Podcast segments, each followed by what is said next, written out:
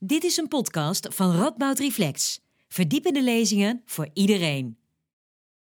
Uh, fijn dat jullie allemaal hier zijn, fijn dat jullie allemaal zijn gekomen. Leuk dat sommigen van jullie ook verkleed zijn gekomen. En eigenlijk ook wel leuk om te zien dat we zo'n jong publiek hebben vanavond. Dat is uh, ook niet altijd. Uh, dus dank, dank, jullie wel dat jullie er zijn. welkom bij dit programma van Radboud Reflex over monsters en menselijke gruweldrang. En mocht je het zijn vergeten, heeft de fantastische decoratie en versiering van vanavond het vast meer dan duidelijk gemaakt. Halloween staat voor de deur. En daarmee binnenkort ook kinderen verkleed als monsters. Uh, in pretparken, uh, monsterlijke decoraties in winkels en cafés en tal van horror en gruwel, gruwel op Netflix en andere streamingdiensten. Maar van waar eigenlijk deze menselijke fascinatie met monsters en gruwelwezens? Uh, waarom zoeken we zo graag de angst en het enge op in, in horrorfilms uh, en enge verhalen? Uh, en waarom zoeken we eigenlijk de hele tijd naar dat bovennatuurlijke en naar het magische en, en, en eigenlijk ook wel het kwade in, in monsters, in demonen, in spoken en geesten? Over deze en andere vragen gaan we vanavond nadenken en praten. en dat doen we allereerst met een lezing door Arjan Sterke, religiewetenschapper hier aan de Radboud Universiteit. Hij zal een lezing geven over monsters en monster theory. Uh, en vervolgens luisteren naar Sandor Chardonnens. Uh, hij is filoloog, uh, ook werkzaam hier aan de Radboud Universiteit. En hij zal ons meenemen in zijn onderzoek naar onder andere middeleeuwse toverboeken. en daarbij ook het een en ander vertellen over het oproepen van geesten en wat die geesten allemaal kunnen doen en wat engelen voor ons kunnen betekenen.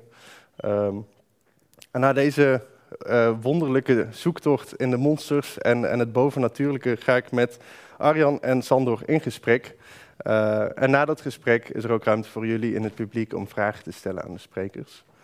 Um, dan rest mij nu eigenlijk niets anders dan te vragen om een heel warm applaus voor Arjan Sterk.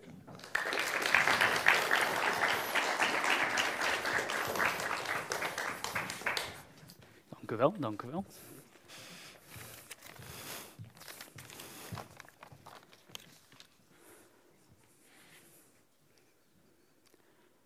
Beste mensen, er zijn monsters onder ons.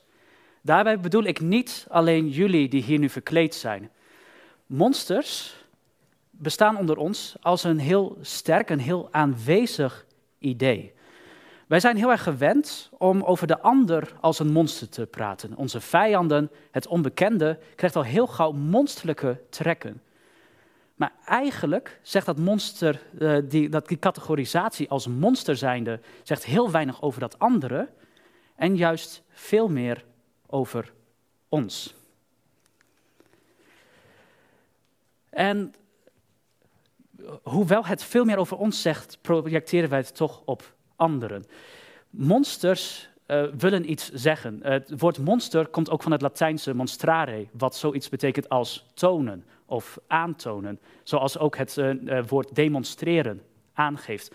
Monsters willen ons iets zeggen en daar moeten wij naar luisteren, of we nou willen of niet. Zojuist heb ik het al gehad, of heb ik even kort aangegeven, dat onze vijanden worden vaak monsters. En het onbekende wordt ook vaak een monster.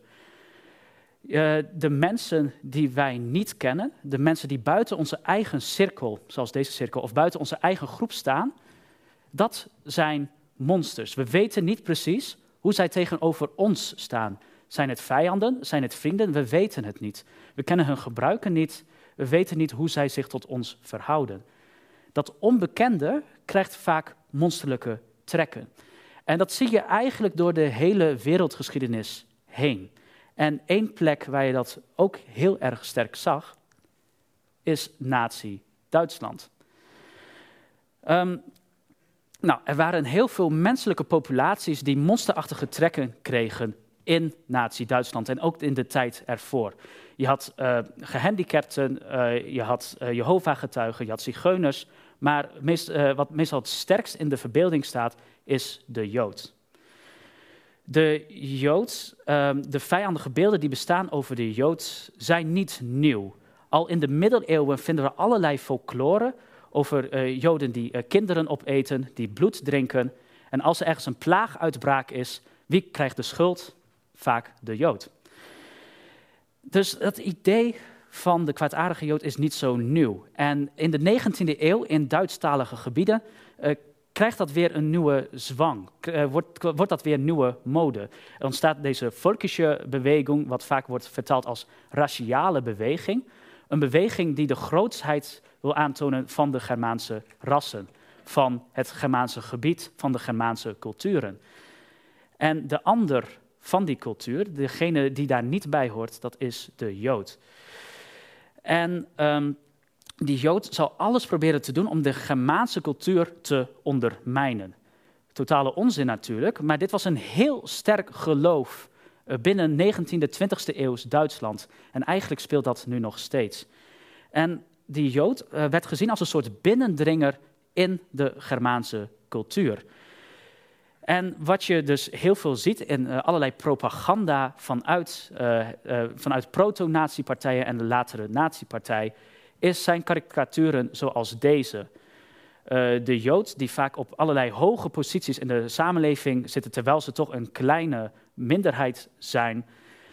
en die het Germaanse volk probeert te bezoedelen met allerlei ideeën. En zoals je in deze cartoon ziet, Jood die ook monsterachtige trekken krijgt de Jood als de duivel. En dat gaat veel verder. Ook het hele idee van een vampier lijkt heel erg te stammen uit folklore over Joden. Um, nou, ik heb al eerder uh, zo net gezegd dat in de middeleeuwen werden Joden vaak beschuldigd van het drinken van bloed. Uh, en dan voornamelijk van kinderen, maar ook van andere mensen. En die folklore die blijft doorspelen en die zie je ook weer terug in het nazi-Duitsland. Op een gegeven moment begint het Derde Rijk zich uit te breiden. En uh, er komen allerlei Duitse bezetters, Duitse kolonisten naar Oost-Europa. Voor hen is dat Duitse gebied onbekend gebied. Het is dan wel veroverd, uh, het is uh, militair veroverd, maar dat betekent nog helemaal niet dat er sterke Duitse controle is. Het is een gebied vol met onbekendheid. De nieuwe Duitse kolonisten weten niet zo goed wat ze ermee aan moeten. Ze kennen die hele omgeving niet. En ook de mensen die daar wonen, kennen ze eigenlijk niet zo goed. Uh, ze weten niet of uh, die bevolking daar, of die uh, vijandig of goedwillig tegenover de nieuwe Duitsers staat. En er komt al heel gauw allerlei berichten over vampiers uit dat gebied. Die zouden in de, zich in de bossen bevinden en die zouden de bevolking daar uh, bijten en besmetten met een soort verzetsvirus tegen de Duitsers. En die folklore die springt ineens heel erg op, gevoed door allerlei antisemitische ideeën uit de eeuwen daarvoor, die ook weer ja, opgerakeld worden door het Duitse regime. En nou, daar dus een, een aantrekkelijke manier zijn om de onbekendheid en het gevaar van het nieuwe gebied te verklaren. En wat ook heel erg speelt, is dat de Duitsers, en dan vooral de Duitse legers, de Duitse Weermacht, zagen zichzelf graag als wolven, of nog beter, als weerwolven. En uh, er zit al heel lang in dat hele Duitse volksverhalen zit het idee dat, dat de vampieren als, ja, als binnendringers van buiten komen om, nou, om het Duitse ras te verdelgen. En de Duitsers als weerwolven die strijden tegen die vampiers. Ideeën die je nu ook nog steeds terugziet. En goed, dus deze ideeën over uh, Joden nou, zijn oud, komen in elk geval uit de middeleeuwen, misschien nog daarvoor. Je ziet ze in Nazi-Duitsland. En ook vandaag de dag raken ze weer populair. Populair. Je hoeft maar aan QAnon te denken. Het idee dat er een uh, bloeddrinkende satanistische kabal is, een elite, en dat woordje kabal dat verwijst naar Joden. Eh, een elite van Joodse mensen en andere mensen die pedofiele verlangens hebben en kinderen martelen, seksueel misbruiken en het bloed van drinken, juist om daardoor zelf jonger te worden. Heel erg vampierachtig, heel erg antisemitisch, nog steeds actueel. Goed, ik heb nu een paar dingen laten uh, zien van monsters. Uh, iets wat Jeffrey Cohen ook heeft geschreven in een artikel uit de jaren 90 over, ja, over de zogenaamde monster theses. Zeven stellingen die hij heeft gepostuleerd over de rol van monsters in cultuur. En wat, wat hij stelt is dat monsters vaak specifieke culturele angsten reflecteren. De angst van de Duitse kolonist, de Duitse bezetter in onbekend gebied.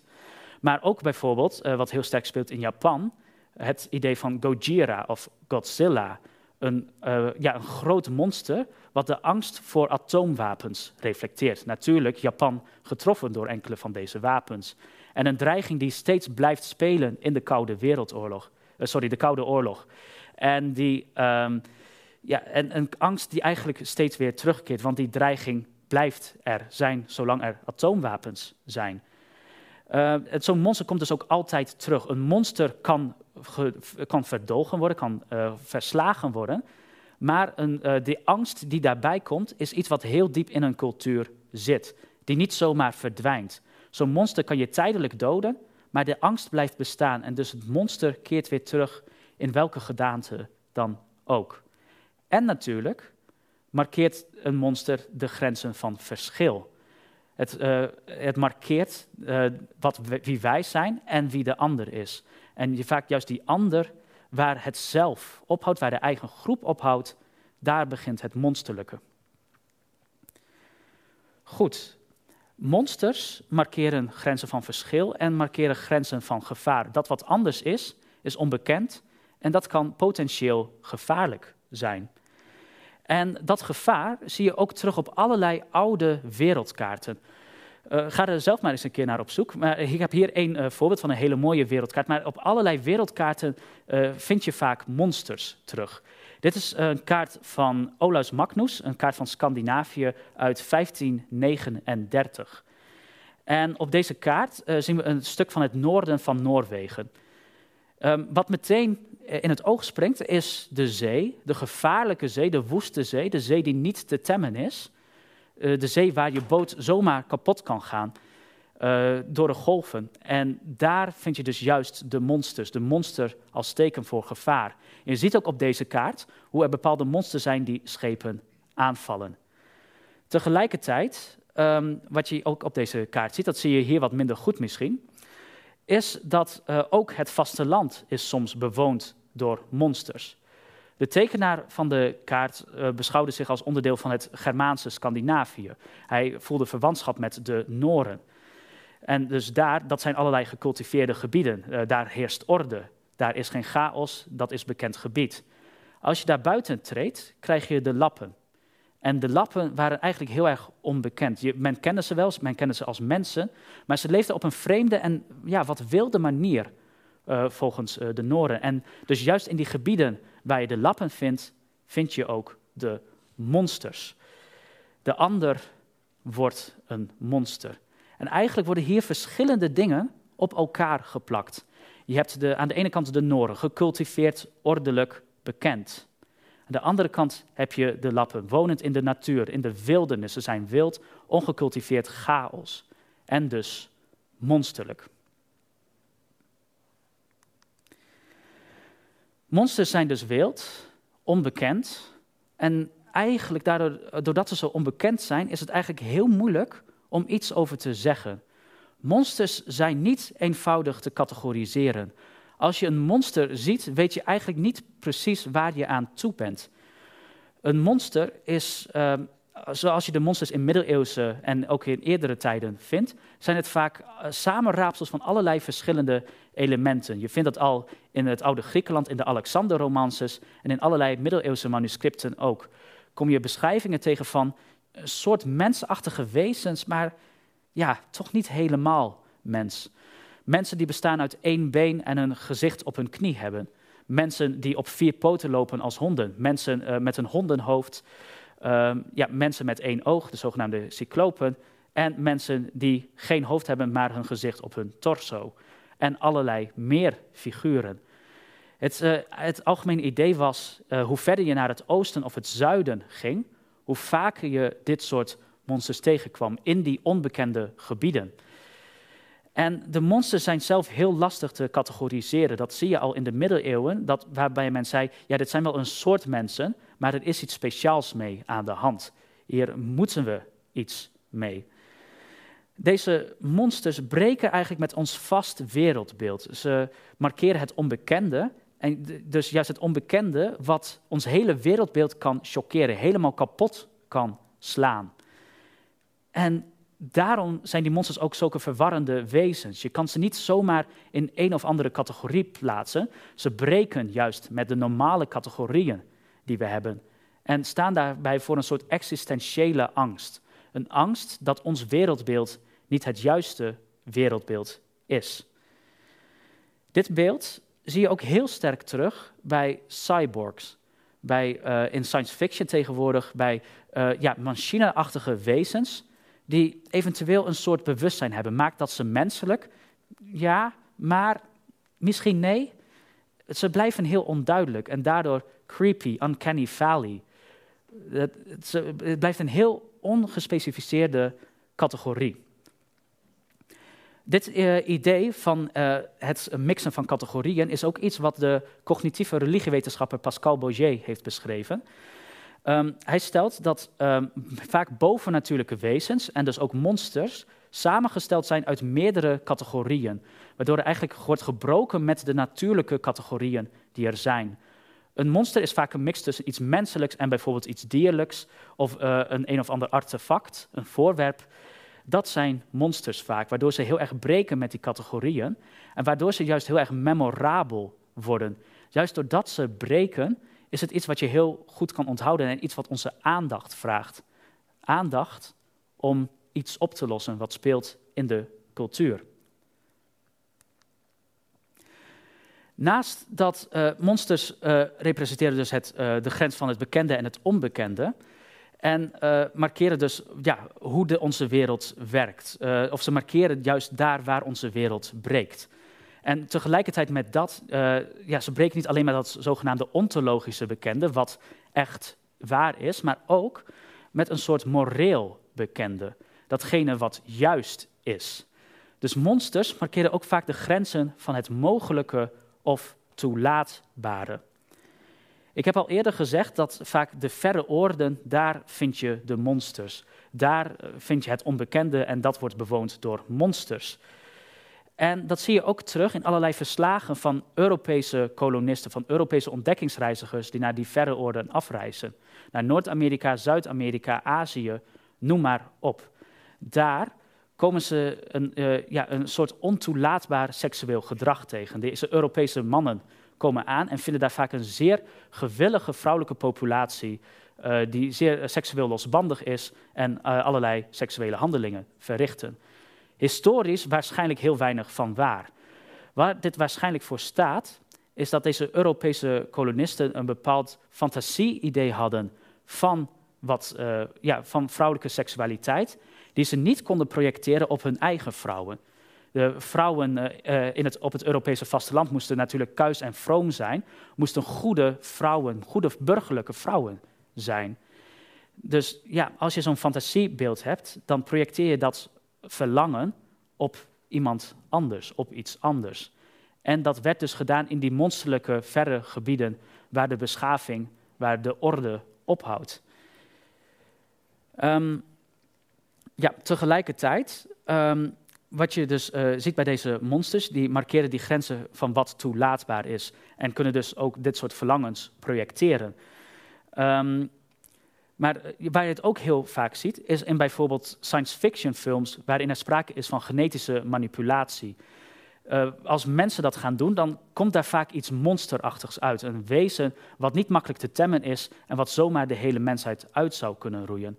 Want de, eigenlijk de vraag die daarachter zit, is de vraag: kunnen wij als mens wel ingrijpen in de orde van de natuur? Kunnen wij de schepping van God aanpassen? Mogen wij dat doen? Is dat toelaatbaar? Dus dat uh, vind je daar heel vaak terug. Het monsterlijke kan echter ook opgenomen worden, kan toegeëigend worden door mensen die juist in zo'n uh, positie zitten. Uh, die in juist zo'n positie zitten die, ja, waar men voor waarschuwt. Um, je hebt, recentelijk heb je deze, zo'n videoclip van de rapper Lil Nas X. En um, nou, Lil Nas X komt uit een evangelicale omgeving, maar is uh, laatst uitgekomen als homoseksueel. En dat is totaal, ja, dat is iets wat je niet hoort te doen, wat niet toegelaten is in de Amerikaanse evangelicale samenleving. Um, ja, en wat Lil Nas X heel erg doet in zijn videoclip, uh, deze videoclip Montero, Call Me By Your Name, is al die monsterlijke beelden die de evangelicalen over homoseksuelen hebben, juist toe-eigenen. Waar in evangelicale kringen wordt gezegd, ja, homoseksualiteit is iets duivels, zegt Lil Nas X niet van, nee, ik ben geen duivel. Nee, hij zegt, oké, dan gaan we dat vieren. En je ziet dus in zijn videoclip hoe hij een lapdance geeft aan de duivel zelf. Uiteindelijk de nek van de duivel breekt, dus de hoorns afpakt, zelf opzet en dan transformeert in de duivel zelf. Dit alles als een soort geuzenapplicatie van, ja, je noemt mij een duivel, dat ben ik ook, en daar is niks mis mee. Monsters tonen verboden verlangens. Ik heb zo net al gesproken over die exotische vrouwen. Um, maar het, uh, ja, het, het uh, speelt ook op allerlei andere plekken. Uh, monsters vertonen verlangens die niet, ja, die niet bij de juiste morele wereld horen volgens een bepaalde cultuur. Dus dit zie je, nou, ik heb al eerder over vampiers gesproken, die vanaf de 19e eeuw ook, ook een bepaalde seksuele lading krijgen. Dat krijgen duivels en demonen trouwens ook, maar uh, de vampier ook. Dat zie je perfect terug in de befaamde Twilight-serie. Je hebt de menselijke vrouw Bella Swan, die verliefd raakt op de mannelijke vampier Edward Cullen. Um, en ja, zeker in de eerste paar boeken is Bella Swan ook nog echt een vrouw. Later wordt ze zelf een vampier. Maar uh, als ze menselijke vrouw is, speelt er altijd een bepaalde dreiging. Een dreiging dat Edward Cullen als vampier er eigenlijk op elk moment zou kunnen doden. Maar tegelijkertijd speelt er ook die seksuele spanning. En die twee die gaan op elkaar zitten. Het, uh, het is als het ware dat uh, die spanning wordt overgedragen boven, op beide het gevaar, de dreiging van de dood, maar ook op de seksualiteit, wat ook een soort van spanning is. Dus die twee die komen heel dicht bij elkaar. En ja, dit soort dingen vind je tegenwoordig vooral in heel veel meer monsterfilms uh, terug. denk bijvoorbeeld aan The Shape of Water, waarin juist dat thema heel erg wordt onderzocht. Goed, dan de laatste thesis is dat monsters vragen ons om hen te interpreteren, om op hen te reageren. Monsters hebben een bepaalde boodschap voor ons. Monsters vestigen ergens de aandacht op, op iets wat opgelost moet worden in onze cultuur. Um, ja, dit zie je in moderne tijden heel vaak uh, bij boodschappen die aliens achterlaten. Er zijn uh, zogenaamde alien mediums die uh, vaak in hun vroege jeugd een ontvoeringservaring hebben en dan in contact blijven met de wezens, met de aliens die hen ontvoerd hebben. En deze aliens die hebben vaak bepaalde boodschappen voor de hele mensheid. Twee boodschappen springen daar heel vaak uit. Mensen moeten stoppen met oorlog voeren, dan voornamelijk met het gebruik van atoomwapens. Wat heel erg speelt in die Koude Oorlog uh, scene, waarin aliens voor het eerst echt duidelijk opkomen. En het andere ding is dat we goed moeten zorgen voor onze natuur. Dat zie je ook heel goed terug in deze Litouwse cartoon. Uh, Litouwse politici werden beschuldigd dat ze geen zorg droegen voor het Litouwse cultuurlandschap. Dus als er aliens zouden komen, ja, die geven niks om die politici. Nee, die rennen meteen naar de bomen toe om die te beschermen. Monsters, als het ware, vragen ons om iets te doen, vragen ons om in actie te komen. Een monster is iets onveiligs, iets onbekends. Daar moet mee gedeeld worden. Die moeten we interpreteren, daar moeten we een betekenis aan geven. Goed, monsters vragen ook uh, van jullie om daar straks op te reageren. Um, dat, en dan uh, Sandor en ik zullen uh, proberen in plaats van de monsters, of misschien als zelf monsters zijnde, om daar een duidelijk antwoord op te geven. Voor nu, dank jullie wel.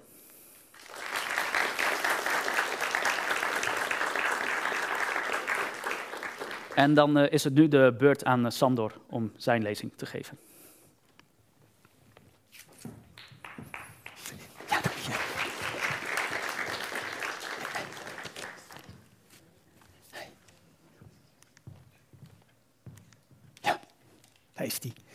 Uh, jullie hebben net al heel veel gehoord over uh, monsters en ik wil dat nog een uh, stukje verder voeren.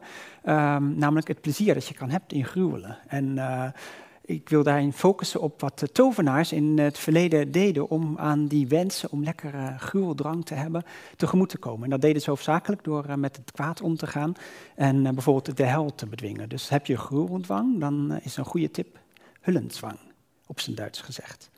Um, ik moet daarbij aantekenen dat, uh, dat we allebei heel veel moeite hebben gedaan voor deze lezing. Uh, Arjan is uh, jarenlang undercover geweest bij de Monsters. En, heeft hij, en bij de aliens. en heeft zelfs een, een chip in zijn nek. diverse waarschijnlijk. En, dus hij heeft heel veel geofferd voor jullie om, om deze lezing te kunnen geven. En ik ook. Want ik ben namelijk stad en land afgereisd op zoek naar bovennatuurlijke wezens. En stad en land is eigenlijk metaforisch, want ik ben er door het hele universum gereisd. Te beginnen in de hemel. De hemel kennen jullie allemaal, daar ga je als mens niet zomaar heen. Ik dus wel. Uh, ik ben dus onlangs naar de hemel gegaan. Uh, de poort bleek gesloten te zijn. Petrus lag te slapen. Ik heb gebeld. En uh, toen zag ik een gat in de muur daarnaast. Toen ben ik over de muur gesprongen.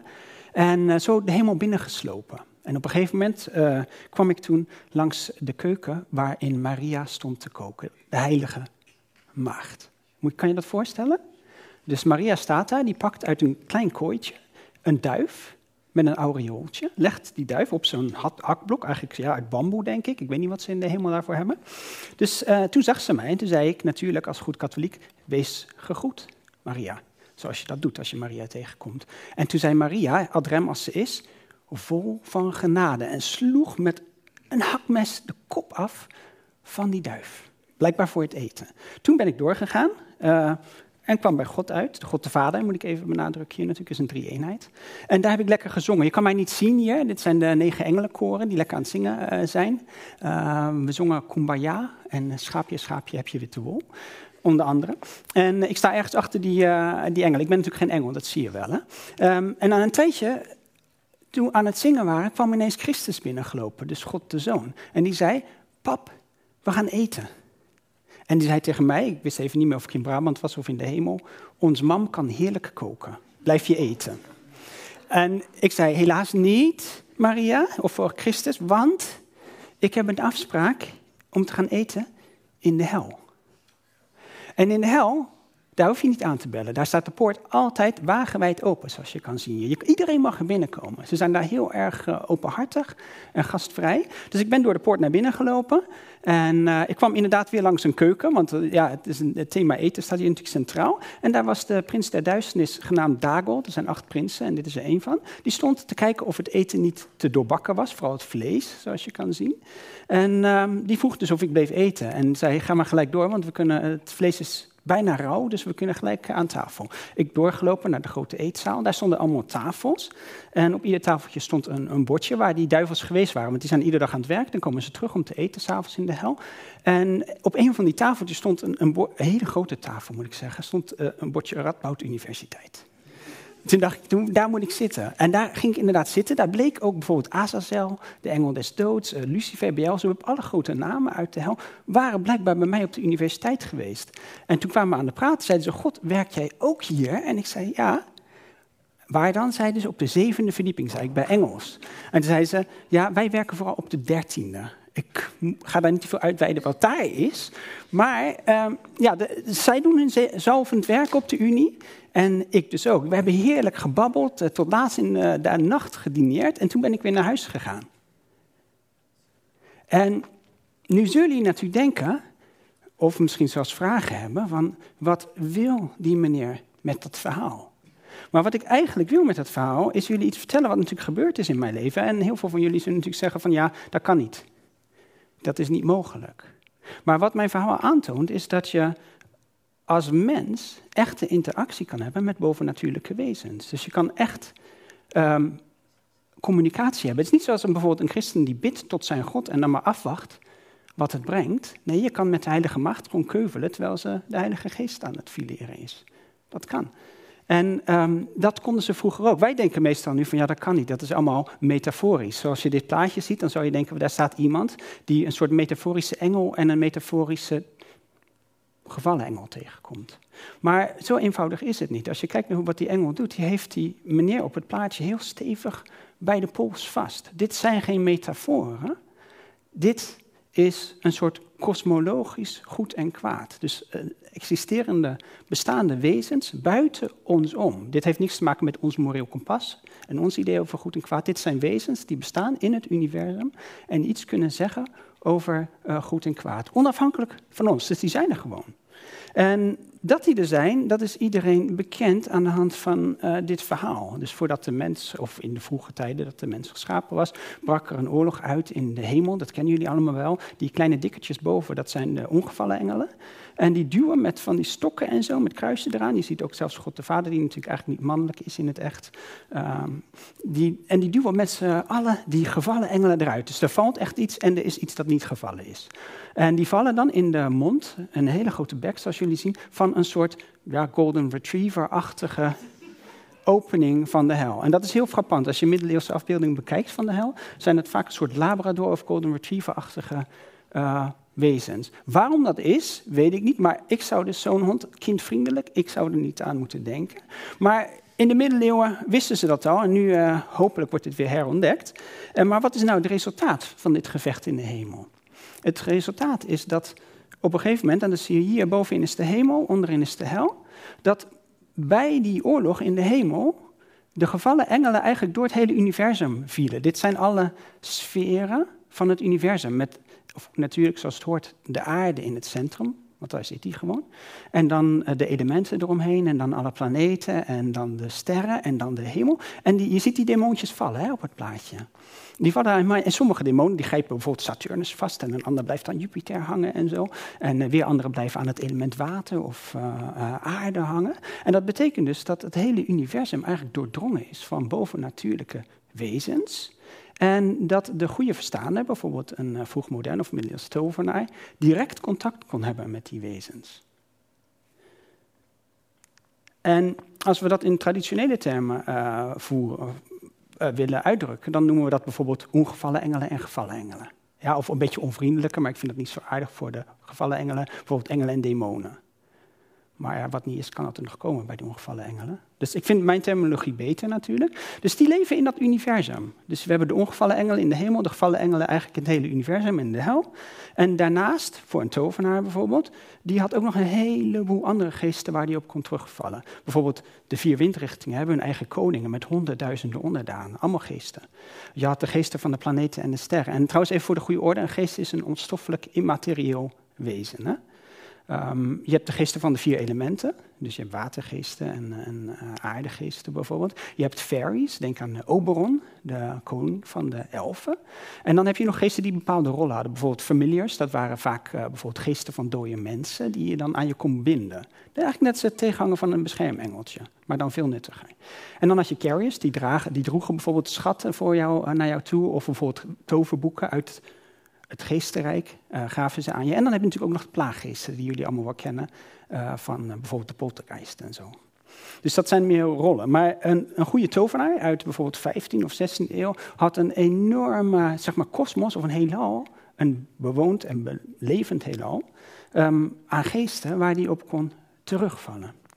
En dat deed zo'n tovenaar eigenlijk om drie redenen. Uh, de eerste reden is eigenlijk voor veel tovenaars de belangrijkste, namelijk dat geesten geheimen hebben. Je kan je voorstellen dat in de, in de geestenwereld, die leven eeuwig bijvoorbeeld, die zijn eigenlijk niet dood te krijgen, engelen. Um, die horen nog wel eens wat, waar een, verborgen, een schat verborgen ligt of zo. Uh, of bijvoorbeeld, die weten goed hoe je met retoriek kan omgaan of de zeven vrije kunsten kan leren. Dus met, uh, als jij contact opnam met geesten, dus echt letterlijk, niet zodat je tegen ze ging bidden, maar echt met ze ging praten. En dan gaven ze jou bijvoorbeeld allemaal trucs en tips en geheime prijs. Dus dat was een belangrijke tak van wat je met geesten kon doen. Er zijn er drie, dit is de eerste. De tweede is de zinsbegoocheling en daarvoor moeten we heel even wachten. Kijk, daar komt hij. Ja? Dus eerst had ik een uh, lege slide en ineens verschijnt daar op miraculeuze wijze de tovenaar Hans Klok. Uh, wij kennen dat natuurlijk vooral nu ter vermaak, hè, de, de uh, zeg maar uh, stage magic of illusionism. Maar um, een van de belangrijke doelen van een, van een tovenaar van vroeger is um, inderdaad illusies te creëren, zinsbegoochelingen. En dan niet om mensen te verbazen, maar hoofdzakelijk om mensen te misleiden. Ja, dus het was niet altijd om, om aardig mee te zijn. En de derde reden waarom je met geesten in contact zou kunnen treden, is dat geesten heel veel dingen voor je kunnen doen. Uh, je kan bijvoorbeeld met uh, behulp van wassen popjes, zoals hier is een, ontwerp voor een wassen popje, en wat uh, spelden of een, een, kaars bijvoorbeeld, waar je zo'n popje boven kan roosteren. En dan met wat kennissen uit de hel, bijvoorbeeld Beelzebub en Satan en Lucifer, kan je, als er iets van jou gestolen is, bijvoorbeeld je essay of je laptop, wat vaak gebeurt bij studenten, de dag voor een deadline, um, dan kan je met behulp van zo'n geest de dief dwingen jouw essay terug te brengen. En dan moet je dus zo'n popje maken en dan uh, uit de wat gevallen engelen om hulp vragen. En dan brengt de dief het uh, gestolen goed weer terug. Dus als dat een keer gebeurt bij een deadline, dat is een goede tip hier, onthoud dit. Ja, dit, werkt altijd. Dus je hebt geen reden meer om een keertje een deadline te missen nu. Dat is denk ik een belangrijke boodschap hier. Tenminste voor de studenten onder jullie, ja, misschien ook docenten, dat weet ik niet. Um, nou, die drie redenen om met geesten om te gaan, um, hebben allemaal zeg maar, hun, hun eigen favoriete aanpak. Um, bijvoorbeeld, wil jij uh, geheime kennis opdoen, dan kan je bij de ongevallenengelen terecht. Bijvoorbeeld wil je iets weten over, over wiskunde of andere talen leren of retoriek. Dan kan je daarmee die ongevallen engelen vragen. Maar je kan ook gevallen engelen vragen waar een schat verborgen ligt, bijvoorbeeld, of andere geesten, Oberon. Nou, zodra jij bezig gaat met illusies, dan vallen die ongevallen engelen er helemaal uit. Dus die kan je niet meer aanspreken. Die, zijn, uh, die vallen buiten boord. Dus als jij um, zinsbegoocheling wil veroorzaken, moet je niet bij ongevallen engelen zijn. En als jij uh, bijvoorbeeld uh, een dief spulletjes wil laten terugbrengen, moet je ook niet bij een ongevallen engel zijn. Wel bij die andere categorieën. Nou, waarom dat is, is natuurlijk een, een, belangrijke vraag. Want dat betekent dus eigenlijk dat gevallen engelen en andere geesten, eigenlijk wat wij zouden noemen duivels of demonen, die zijn voor alles beschikbaar. Dus je kan het kwaad voor alles inzetten in je leven. Maar als je het goed wil inzetten, dan kan dat alleen maar voor een, bepaalde subsectie van kennis. Wat eigenlijk best wel treurig is als je het mij vraagt. Maar er is een reden achter natuurlijk, omdat als je uh, kijkt naar deze drie uh, plaatjes, wat je ziet is eigenlijk een toenemende beïnvloeding van de wil van iemand anders. Weet je, ga je met kennis voor jezelf opdoen, heeft niemand last van. Maar bijvoorbeeld een uh, zinsbegoocheling creëren om iemand te misleiden, of bijvoorbeeld een dief dwingen om iets terug te brengen, daarmee speel je natuurlijk met de vrije wil die iemand heeft. Die dwingt iemand om iets te doen. Dus die toenemende wilsonvrijheid, betekent waarschijnlijk dat engelen zeggen: nee, hier doe niet aan mee. Want dat mogen ze natuurlijk niet. Hè? Ik bedoel, God heeft ons vrije wil gegeven, een soort vloek uh, die we hebben gekregen. En daar moeten we onder leven, daar moeten we het mee doen. En als je dat wegneemt van iemand, dan is dat zeg maar heel onchristelijk. Dus ongevallen engelen zijn niet voor iedere deal te krijgen. Een andere reden is dat, uh, hier heb je er eentje, Michael bijvoorbeeld, een aartsengel, een van de lage rangen van de koren van engelen. Dat die engelen die wonen heel ver weg in de hemel. Dus die, als je die wil bereiken, die moeten van heel erg ver komen. Uh, terwijl bijvoorbeeld een uh, demon of een gevallen engel, ja, die zijn eigenlijk altijd bereid om een soort community outreach te doen. Die zijn vaak op aarde, je kan ze voor alles vragen, ze zijn altijd wel voor iets te vangen. En ze doen het graag. En dan die andere geesten, bijvoorbeeld hier de koning de elfen Oberon. Uit het is allemaal plaatjes uit toverboeken hoofdzakelijk. Um, ja, die wonen gewoon hier op aarde. De elementaire geesten, uh, de, um, de fairies en wat, wat dan ook, die wonen gewoon permanent onder ons. Dus die zijn heel dichtbij, altijd beschikbaar. Um, het is natuurlijk ook zo dat die engelen in de hemel, die wonen heel ver weg in een soort pure staat van onstoffelijkheid, terwijl die demonen veel dichter bij ons in de hel wonen bijvoorbeeld. En veel dichter bij materie zijn. Dus hemelse engelen willen ook niet zo graag in bijvoorbeeld materie gevangen worden. Terwijl een gevallen engel of een andere geest daar minder moeite mee heeft. En daarom zie je bijvoorbeeld, als je toverboeken bekijkt, dit is een, eh, een, een laat ritueel dat twee jaar duurt, waarbij je engelen aanspreekt. En dan moet je mediteren twee jaar lang op allemaal gebeden en op dit soort plaatjes. En dan krijg je in een visioen, in je slaap, en geef je die engelen jou die kennis. Dus die engelen verschijnen nooit aan jou in fysieke vorm. Terwijl een gevallen engel, dus dit doe je dan hè, met, met zeg maar, de ongevallen engelen. De gevallen engel, die komt gewoon naar de aarde, hier zie je er eentje, en die is gewoon uh, lekker aan het werk. En die vindt het niet erg om een lichaam te krijgen. Je, ziet hem, je kan zo de gevallen engel zien hier. Het is niet zo dat je denkt van welke is dan de gevallen engel. Uh, want vaak nemen ze grappige vormen aan inderdaad, zoals, zoals Arjan al zegt. Half dier, half mens, iets vreemds, moet, moeilijk te categoriseren.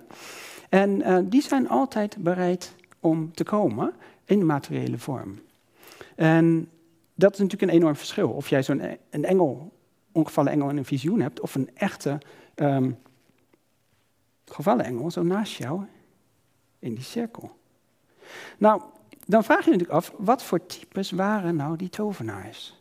En die tovenaars bleken gewoon hele, uh, hele religieuze, goede christenen te zijn in West-Europa. Die bidden tot God, dat God hun die hulp geeft om die geesten te bezweren. Dus die tovenaar, die staat hier, je ziet er eentje, die, die omschrijft zichzelf. Staat het is een Franse handschrift uit de 17e eeuw. En er staat dan, dit is de tovenaar die in zijn cirkel staat. En die, die ziet er net uit als koning Salomo uit het Oude Testament. Eh, de bouwer van de eerste tempel, voor, de, voor degenen die wel eens een Bijbel hebben gelezen. Nou, die tovenaar, die ziet zichzelf als een enorm goede christen. En dan helpt hij zijn buurman wel om zeep het behulp van een demon. Maar hij is zelf niet die demon. Die demon die staat buiten zijn cirkel. Die is kosmologisch. Dat is niks van zijn innerlijke morele kompas. Dat staat helemaal buiten hem. Dus hij kan met het kwaad omgaan, omdat het kwaad niet in hem zit. Dus eigenlijk hoe, hoe meer jij met het kwaad om kan gaan, wil dit eigenlijk zeggen, hoe een beter mens bent. Ik weet dat het heel erg paradoxaal klinkt. Zeker als je zeg maar, vanuit een christelijke achtergrond komt, dan leer je altijd dat het net andersom is.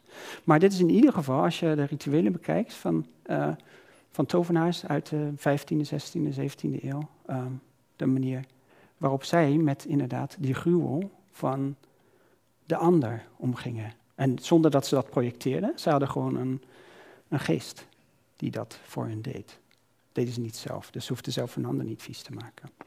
Um, dus als je wil gruwelen, gruwelen, dan moet je bij de tovenaars zijn. Dank je voor jullie aandacht.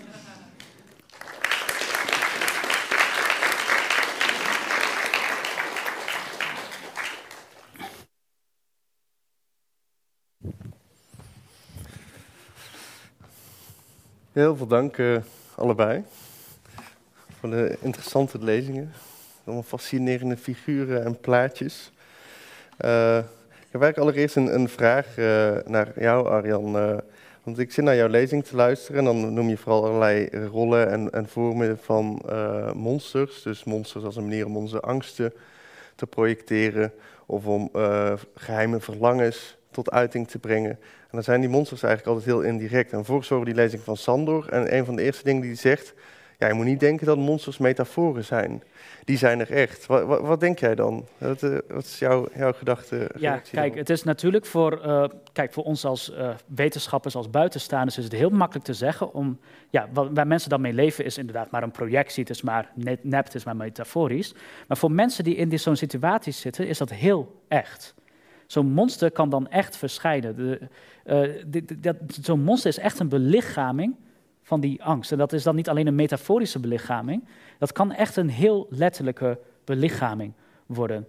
Um, ja, goed. Uh, je, hebt, uh, nee, je hebt bijvoorbeeld in uh, Noord-Amerika speelt heel vaak bij allerlei gecontesteerde gebieden die eventueel van Native Americans kunnen zijn.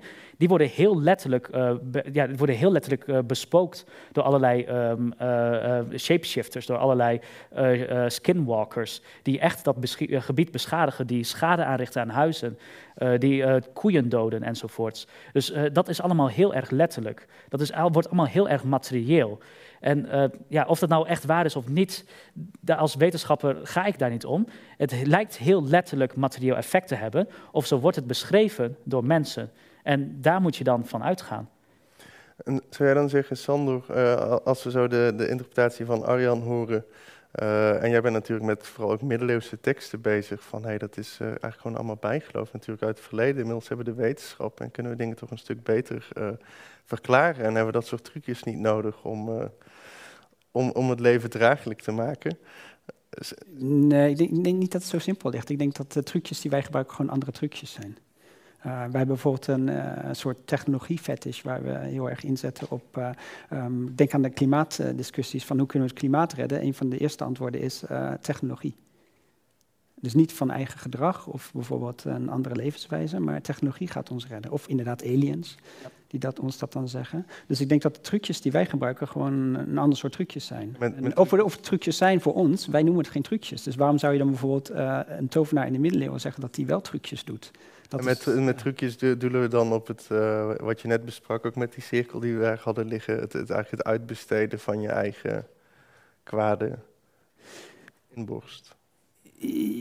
Nou ja, ik, doe, ik weet niet of het, zeg maar, het, het klimaat, ehm, zeg maar, de natuur kapot maken een bewust eh, iets is dat wij doen omdat we kwaadaardig zijn. Of de mens kwaadaardig is, dat zou ik zelf ook eh, eerlijk gezegd niet weten. Ik eh, weet wel dat wij in categorieën denken van bijvoorbeeld goed en kwaad, heel erg zwart-wit. Ehm, en eh, daar zitten altijd winners en verliezers aan. Je wil zelf nooit de verliezer zijn, dus je wil het altijd uitbesteden.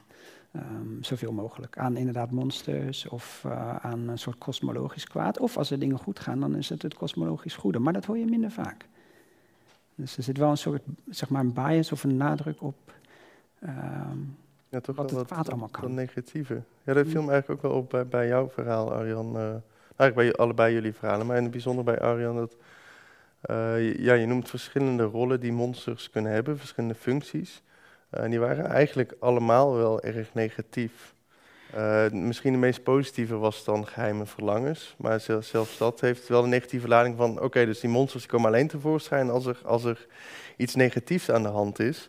Maar zijn dan alle monsters eigenlijk gewoon ook negatieve zaken? En wijzen die dan ook, zoals jij zegt, op een probleem? En zouden we dan niet ook kunnen zeggen dat die monsters ook een slechte manier dan eigenlijk zijn om Hmm. om te gaan met zo'n probleem? Eh, Ja, dat weet ik niet. Dat is, dat is juist het lastige om te zeggen. Omdat eh, ja, monsters zijn eh, niet een bedenksel achteraf. Die verschijnen meestal op zo'n moment zelf. Die gaan heel erg voor die angst staan.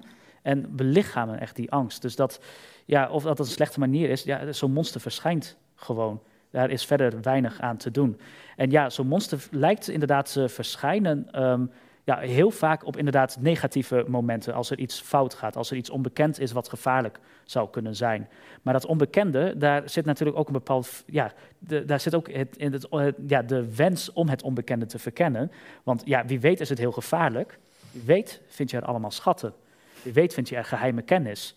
Eh, dat zie je ook heel erg eh, terug bij aliens. Ehm, ontvoeringservaringen zijn gigantisch traumatisch. Zijn verschrikkelijk voor de mensen die dat meemaken. Maar aliens tegelijkertijd hebben ook gigantisch veel kennis, veel wijsheid, die heel waardevol is. En dat beschrijven ook mensen die contact hebben met aliens. Beschrijven dat als heel waardevol. Dus er zit zo'n dubbele laag aan. Dat onbekende kan heel gevaarlijk zijn, heel eng zijn. Tegelijkertijd kan dat heel veel opleveren. En dat is eigenlijk ja, de dubbelheid van monsters. Dus misschien ook daarom dat ze, naast dat ze ons afstoten, ook wat aantrekken. Misschien om daar nog een beetje op in te gaan op die aantrekkingskracht. En je hebt het ook dan over die wijsheid die die monsters brengen. En, en volgens mij was het je laatste slide waar je het over dan die aliens had, die ons dan wat pointers geven voor, eh, voor wat we allemaal beter kunnen doen. En dan noem je dan niet- geen kernwapens gebruiken en beter omgaan met de natuur. Ja. En dan denk ik bij mezelf, nou, ik, die conclusies die heb ik ook zelf kunnen trekken. En daar had ik geen aliens voor nodig. Ja, Dus waarom dan toch die aliens of, of monsters, misschien in andere gevallen, wel- wel- wel- welke functie vervullen die dan nog? Ja, nou ja, eh, kijk, wij weten dat misschien wel, maar eh weten weten andere delen van de mensheid dat ook? Dat is de grote vraag. En nou ja, zoals het er nu aan toe gaat, lijkt dat toch wat minder het geval te zijn. Ehm, kijk, wat het hele fijne natuurlijk is aan aliens, ehm, zoals die in dat hele alien-discours tegenkomen, eh, zijn aliens een soort grootmachten. Het is een, ehm, ja, wat eh, Sander zo net ook zei, een soort fetichering van technologie van het eh, idee dat eh, technologie ons ook verder kan helpen. Dat het eh, onze zaken kan oplossen. Die aliens worden vaak al geframed als technologisch en spiritueel heel ver geavanceerd. En daarmee kunnen ze allerlei problemen oplossen. Die, ja, die aliens zijn eigenlijk een soort leermeesters. Een heel gevaarlijke en bedreigende en angstaanjagende leermeester, maar kunnen dat wel zijn. En dan, ja, dan wordt het een, eh, in plaats van dat je het zelf gaat bedenken met je medemens, goh, we moeten voor deze planeet zorgen, eh, wordt het nu een macht van bovenaf die dat eigenlijk commandeert. Dus het eh, biedt een vorm van, van zekerheid en misschien ook wel controle. Ja, en, dat een grotere macht die verder geavanceerd is dan jij, dat die dat ook zegt, dan moet je het wel echt gaan doen. Dan weet je zeker dat dat dingen op gaat lossen.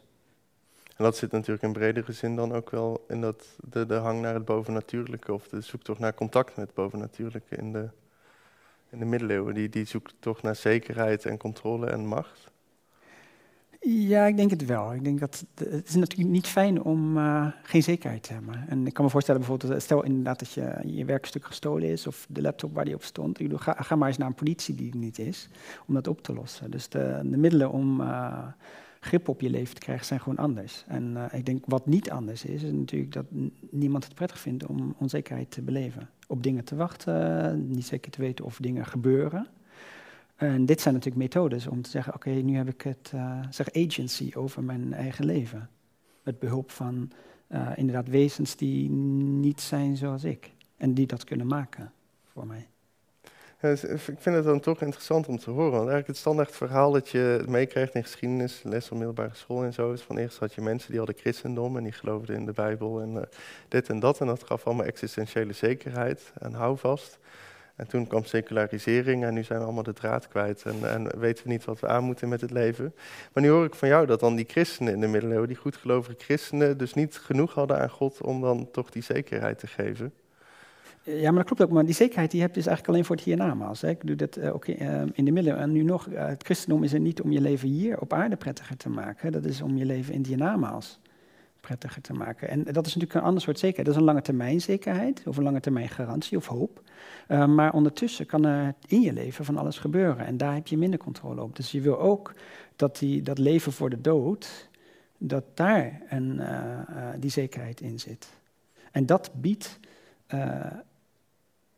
zeg maar, traditioneel religieuze inzichten bieden dat in mindere mate.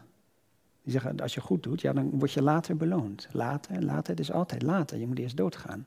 Terwijl je ook gewoon naar de hemel kan gaan terwijl je nog leeft. Dus, dus het is eigenlijk ook in die zin ook wel een beetje voor de ongeduldige.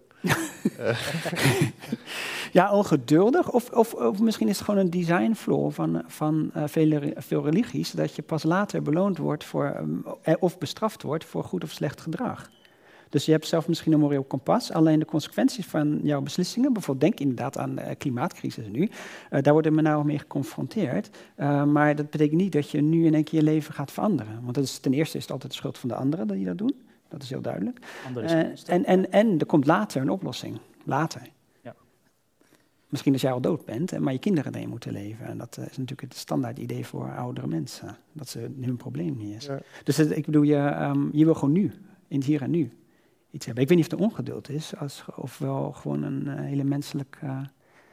Uh, dan kijk ik toch, toch, ook wel even naar Arjan. Want je, je, je bent als religiewetenschapper natuurlijk met verschillende religies bezig. Uh, en, en, als ik het goed heb, ben je ook veel met Indiaanse religie bezig. en nu horen we net, ja, misschien dat het in alle religies wel een beetje zo werkt. Nou, ik, weet niet of, ik weet niet of Sandor dat precies zei.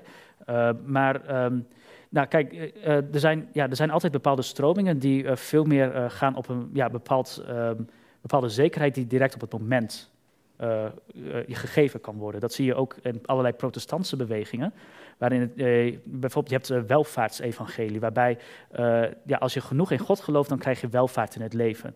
En dus dat het teken zodra je rijk bent in het leven, dan weet je dus dat God jou gezegend heeft dat je naar de hemel gaat. Dus dat, dan, uh, dat er al op die manier zekerheid in het leven wordt gecreëerd.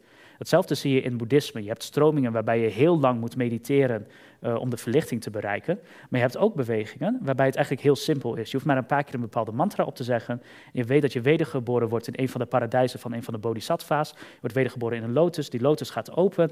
Uh, je kijkt direct naar de Boeddha. De Boeddha begint met prediken en dan raak je verlicht. Dus het kan ook allemaal veel sneller. En je ziet dus ook bewegingen, religieuze stromingen, die dat allemaal veel sneller gaan doen. Ne ne nemen monsters in, in uh, Indiase religies dan ook een vergelijkbare rol in? Nou, monsters um, en eigenlijk goden ook, uh, kunnen je met allerlei dingen helpen die spelen in het uh, dagelijks leven. Uh, je kan offers geven aan, aan allerlei soorten wezens, aan gewoon standaard goden als Vishnu of Shiva, maar ook aan allerlei boomgeesten zoals yaksha's of aan pishachas of aan naga's, aan slangachtige wezens. Dat kan allemaal. Uh, en die kunnen bepaalde dingen voor je doen. Als je, als je, je gaat eigenlijk, als je zo'n offer geeft, ga je een soort sociaal contract aan. Ik geef jou dit, dat betekent dat jij een dienst voor mij moet doen. En wat je dus ook in India ziet, zeker bij de god Shiva, als, Shiva, als je een offer aan Shiva geeft en je doet dat niet, dan ben je gerechtvaardigd om Shiva helemaal kapot te schelden. Want Shiva heeft niet voldaan aan de, de belofte uh, die het offer heeft gegeven. Dus um, ja, er zijn allerlei uh, manieren om echt ook allerlei zaken gedaan te krijgen. gewoon ja, via eigenlijk het, ja, het inhuren van diensten van allerlei bovennatuurlijke wezens. Als ik dat nu zo allemaal hoor, dan is dus uh, ook in, in andere religies zie je toch ook wel monsters en, en misschien geesten die je kan gebruiken voor dienst. Dus het is toch ook wel weer een, een zoektocht naar controle. Uh, als ik het even heel, kort mag samenvatten.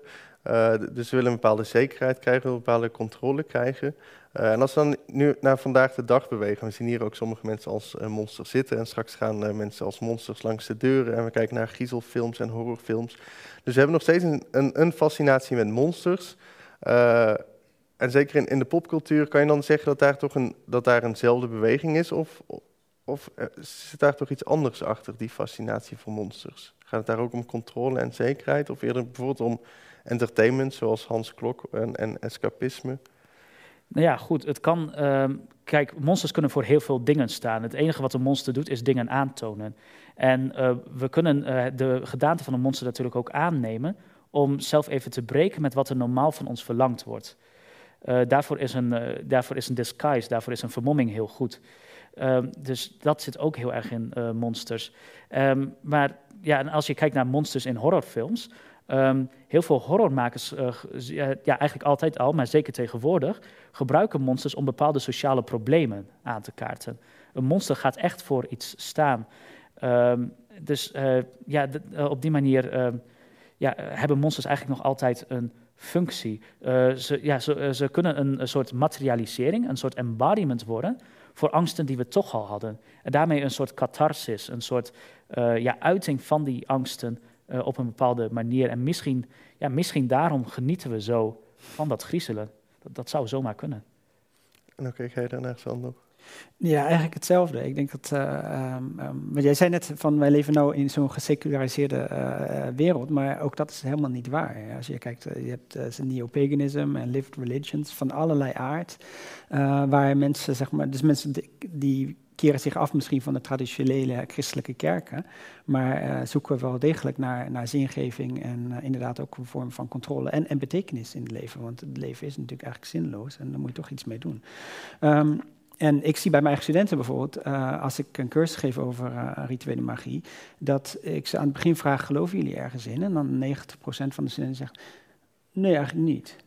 En als ik ze dan in de loop van de cursus bijvoorbeeld vraag om een ritueel uit te voeren, bijvoorbeeld een, een bezwering voor een demon te schrijven, dan zijn er een aantal mensen altijd die zeggen van ja, dat vind ik eng. Of bijvoorbeeld inderdaad een schatzoekritueel echt te gaan doen. Uh, dat doet maar een handjevol mensen. En dan zeg ik, ja, maar je gelooft toch nergens in? En op het moment dat het concreet wordt, blijken mensen toch in van alles te geloven. Dus ik denk dat de hele secularisatie-mythe die wij zo aanhangen, um, die is helemaal niet zo waarschijnlijk dat het echt zo is. Ik denk als je mensen echt gaat vragen wat er diep van binnen speelt aan angsten en verwachtingen, en dan um, zijn we allemaal gelovers. En er dus misschien dus ook best veel mensen zijn die daadwerkelijk ook nu in, in monsters uh, geloven en er toch ook echt angst voor hebben. En het dan dus inderdaad uh, meer is dan alleen een metafoor. Ja, ik bedoel, ja, kijk maar, uh, nou ja, een van de grote vragen die vaak speelt als ik college geef over aliens, ja, dan komt vaak de vraag, ja, maar bestaan aliens nou wel of niet? Dus dat is een heel prangende vraag voor mensen. En ook als je kijkt naar hedendaagse folklore, je hebt aliens die een belangrijke rol spelen, waarbij dus de vraag is, bestaan die of niet? Maar ook bij geesten is dat zo. Uh, ja, allerlei andere bovennatuurlijke wezens zijn wat verdwenen uit folklore, maar geesten blijven echt bestaan. Uh, of daar blijven mensen in geloven. Dus uh, ja, monsters zijn helemaal niet zo afwezig als we denken. Ze krijgen gewoon andere gedaanten. Religie is niet afwezig, het krijgt gewoon een andere gedaante. Ik vond het ook wel een mooi moment, eh, net, net, wat jij noemde, we hebben hier natuurlijk die cirkel liggen, waar we heel moeilijk deden met iets optillen. En, en misschien dat veel van jullie dachten, wat, wat doet die cirkel daar nou, wat is dat? En ik denk het plaatje van Sandor maakt al iets duidelijk. Misschien kunnen we daar ook even kort op ingaan. Op die cirkel? Ja. Ja, ik doe, als, dit is een draagbare magische cirkel, eigenlijk bedoeld voor uh, schatzoeken, met behulp van de geest Asmodeus. Uh, en de koningin van de vier windrichtingen. Um, dus het is vrij op een traditioneel design uit de 16e eeuw. En uh, cirkels mag je niet zomaar kruisen. Dus je kan er niet zo overheen stappen of, um, of hem kapot maken. Stel je voor dat je een maakt uh, met een staf in het zand of zo. Dat gebeurde veel buiten. Dus een, uh, zeg maar die, als je snel even een ritueel wil doen. Maar normaal maak je die in, in het zand bijvoorbeeld. Of, of teken je die met krijt op een harde vloer. En dat kan uren duren. En op het moment dat je die um, breekt. De cirkel is ook een beetje jouw reddingsboei. Als je een, een, een gevaarlijke demon oproept en je valt te buiten dan ben je er ook geweest als je pech hebt. Dus um, die cirkel moet je altijd openmaken en dan erin gaan en weer dichtmaken achter je. Je kan hem ook uit zout maken, dat werkt heel goed. Uh, maar het, het, is deel van het ritueel. Dus uh, ik wil niet zeggen of ik, ik, kan ook niet zeggen of het klopt of niet. Ik heb het alleen gelezen in de boeken, dus zo doe ik het. Ja, dan zit je toch ook weer bij de vraag die jij net zei: van ja, of nou waar is of niet waar, dat is ook niet echt. Uh... Nee, dat, dat, dat is uiteindelijk misschien niet zo belangrijk. Het is wat mensen ermee doen. En ja, daar, als wetenschappers zijn wij daarmee bezig. Maar wat mensen ermee doen, ik bedoel, wij leggen nu hier, uh, ik denk ook deels voor de gein, dan zo'n zo'n serie, uh, of zo'n cirkel weg met een, met een Halloween-pompoen erbij. Um, uh, en sommige mensen doen andere dingen met monsters en, en demonen en, en geesten. je had het net al over folklore. Ehm, maar dan zit ik te denken, ja, ja wat je ermee doet, waar, waar, is dan de grens tussen, tussen gewoon onschuldig vermaken of iets voor jezelf doen en, en wanneer wordt het gevaarlijk. Of bijvoorbeeld een conspiracy-theorie. Je had het over de, de, de uh, zogenaamde satanistische kabal. Um, uh, waar ligt die grens? Wanneer zeg jij van wat je ermee doet is problematisch? En dan moeten we toch wel gaan zeggen van hé, hey, dit is onzin, dit is fantasie, dit is verzinsel. Ja, uh, dan wordt de grote vraag, waar hou je eigenlijk precies op? kijk, heel veel, nou ja, QAnon wordt uh, heel erg opgeblazen, de, alsof er veel aanhangers van zijn. Het is, wel, ja, uh, het is vrij veel in het nieuws, maar het blijft altijd een vrij kleine groep. Um, die uh, nou, ja, wel problematische ideeën heeft. Maar nou ja, ook wij, kijk, monsters leven ook onder ons en ook ja, de groep waar wij toe behoren. Uh, dat kan voor ieder voor, voor, zich bepalen welke groep dat precies is. Ook wij leven uh, met bepaalde ideeën die ook desastreus kunnen zijn weer voor anderen. Wij kunnen hele fantasieën opwerpen in Nederland bijvoorbeeld over onze rijke gouden eeuw, waarin we zo gigantisch succesvol waren. Maar ja, wie hebben we daarbij uitgebuit? Dat is een vraag die tegenwoordig heel erg speelt. Dus ja, ook wij leven met allerlei verhalen die misschien helemaal niet zo onschuldig zijn als we zelf denken. Dus ja, uh, wanneer, ja uh, het is heel makkelijk voor ons om uh, de zaken van anderen kwaadaardig te noemen, om die als monsters te bestempelen. Maar ja, wie weet zijn wij ook monsters voor anderen. Dus waar trek je die grens precies? Waar zou jij die grens trekken? Want ik weet dat je zelf ook wel actief bezig bent met bepaalde rituelen uitvoeren. Ja, bepaalde zeggen, wel. Hier ligt wel echt een grens, dit ga ik gewoon niet doen. Nou ja, in, in de moderne praktiserende magie bijvoorbeeld heb je allerlei dingen zoals neo-pagan uh, stromingen en Wicca, waar ze veel werken met de maan en uh, uh, met tijdgebaseerde magie, die eigenlijk hoofdzakelijk die we nou als witte magie zouden bestempelen. Maar je hebt ook zoiets als chaos magic. Wat is het um, verschil witte magie en? Nou ja, ik bedoel voor ons kan neo-pagan, ik denk dat de religiewetenschappelijk zijn dat verschillende labels waarschijnlijk. Ik, ik zou bijvoorbeeld Wiccans onder de, onder de witte magie doen, dus eigenlijk zeg maar de magie die niet noodzakelijk het oogmerk heeft om anderen te schaden. Maar je hebt ook andere stromingen, zoals Chaos Magic, waar het uit echt het expliciete doel is om andere mensen te schaden. Ik, bijvoorbeeld voor mijzelf zou ik dat niet doen. Um, dus kennis voor mij, ja, dan denk ik, ja, waarom niet? Weet je, dat is altijd nuttig aan een universiteit. Precies, precies. Uh, maar uh, mijn buurman om zeep helpen? Nee. Maar dat komt ook omdat ik niet die goede christen ben die het kwaad uitbesteedt. Ik heb een moreel kompas waar ik het mee moet doen. En uh, dat is niet, dus voor mij is dat geen. Ik kan dat, die systemen niet scheiden. Um, maar voor, blijkbaar voor sommige mensen, die kunnen die systemen wel scheiden. En ik denk als je er echt op uit bent om andere mensen te schaden, of inderdaad, weet ik wat, de, de samenleving, ja, dat, of, of inderdaad de natuur of wat dan ook, op, op bovennatuurlijke wijze, ja, dan, dan dat is iets wat ik niet zou doen. Dus ik denk, als je echt schade aanricht in de, in de echte wereld, dan ga je eigenlijk een stap te ver daarin. Maar dat is mijn visie. Ik kan me ook voorstellen dat mensen zeggen, nee, dat vind ik prima. Ja, maar dan sluit je eigenlijk ook wel aan bij, bij wat Arjan zegt, uh, dat het uh, dan niet zozeer gaat om wat je wel of niet doet met bijvoorbeeld een, een magische cirkel of met monsters. Dat eigenlijk dezelfde regel geldt voor wat je überhaupt in het, uh, in het leven als, als moreel kompas hebt. namelijk hoe je je opstelt tegenover anderen en of je anderen daar wel of niet mee schaadt. Um, Misschien is het ook een goed moment om ons te richten tot de anderen. namelijk de mensen hier in de zaal en de monsters die ook hier uh, aanwezig zijn, deels in de duisternis en nu niet meer. Uh, ik wil jullie allebei heel erg bedanken voor jullie lezing en voor het interessante gesprek. Uh, ook veel dank aan het publiek voor de vragen, voor het verkleed komen en voor het aanwezig zijn. ik zie jullie allemaal heel graag terug bij een volgende keer bij Radboud Reflects. Uh, maandag zijn we er weer en, en dat raakt wel ook aan de laatste vraag. Met een programma over overbevolking en wat we daar aan doen. Uh, ho hopelijk zijn het andere antwoorden dan hier. Maar uh, ja, we gaan het zien. kom lekker kijken, dan zitten we in de Lux. dezelfde tijd als vandaag. Dank jullie wel, graag tot de volgende keer.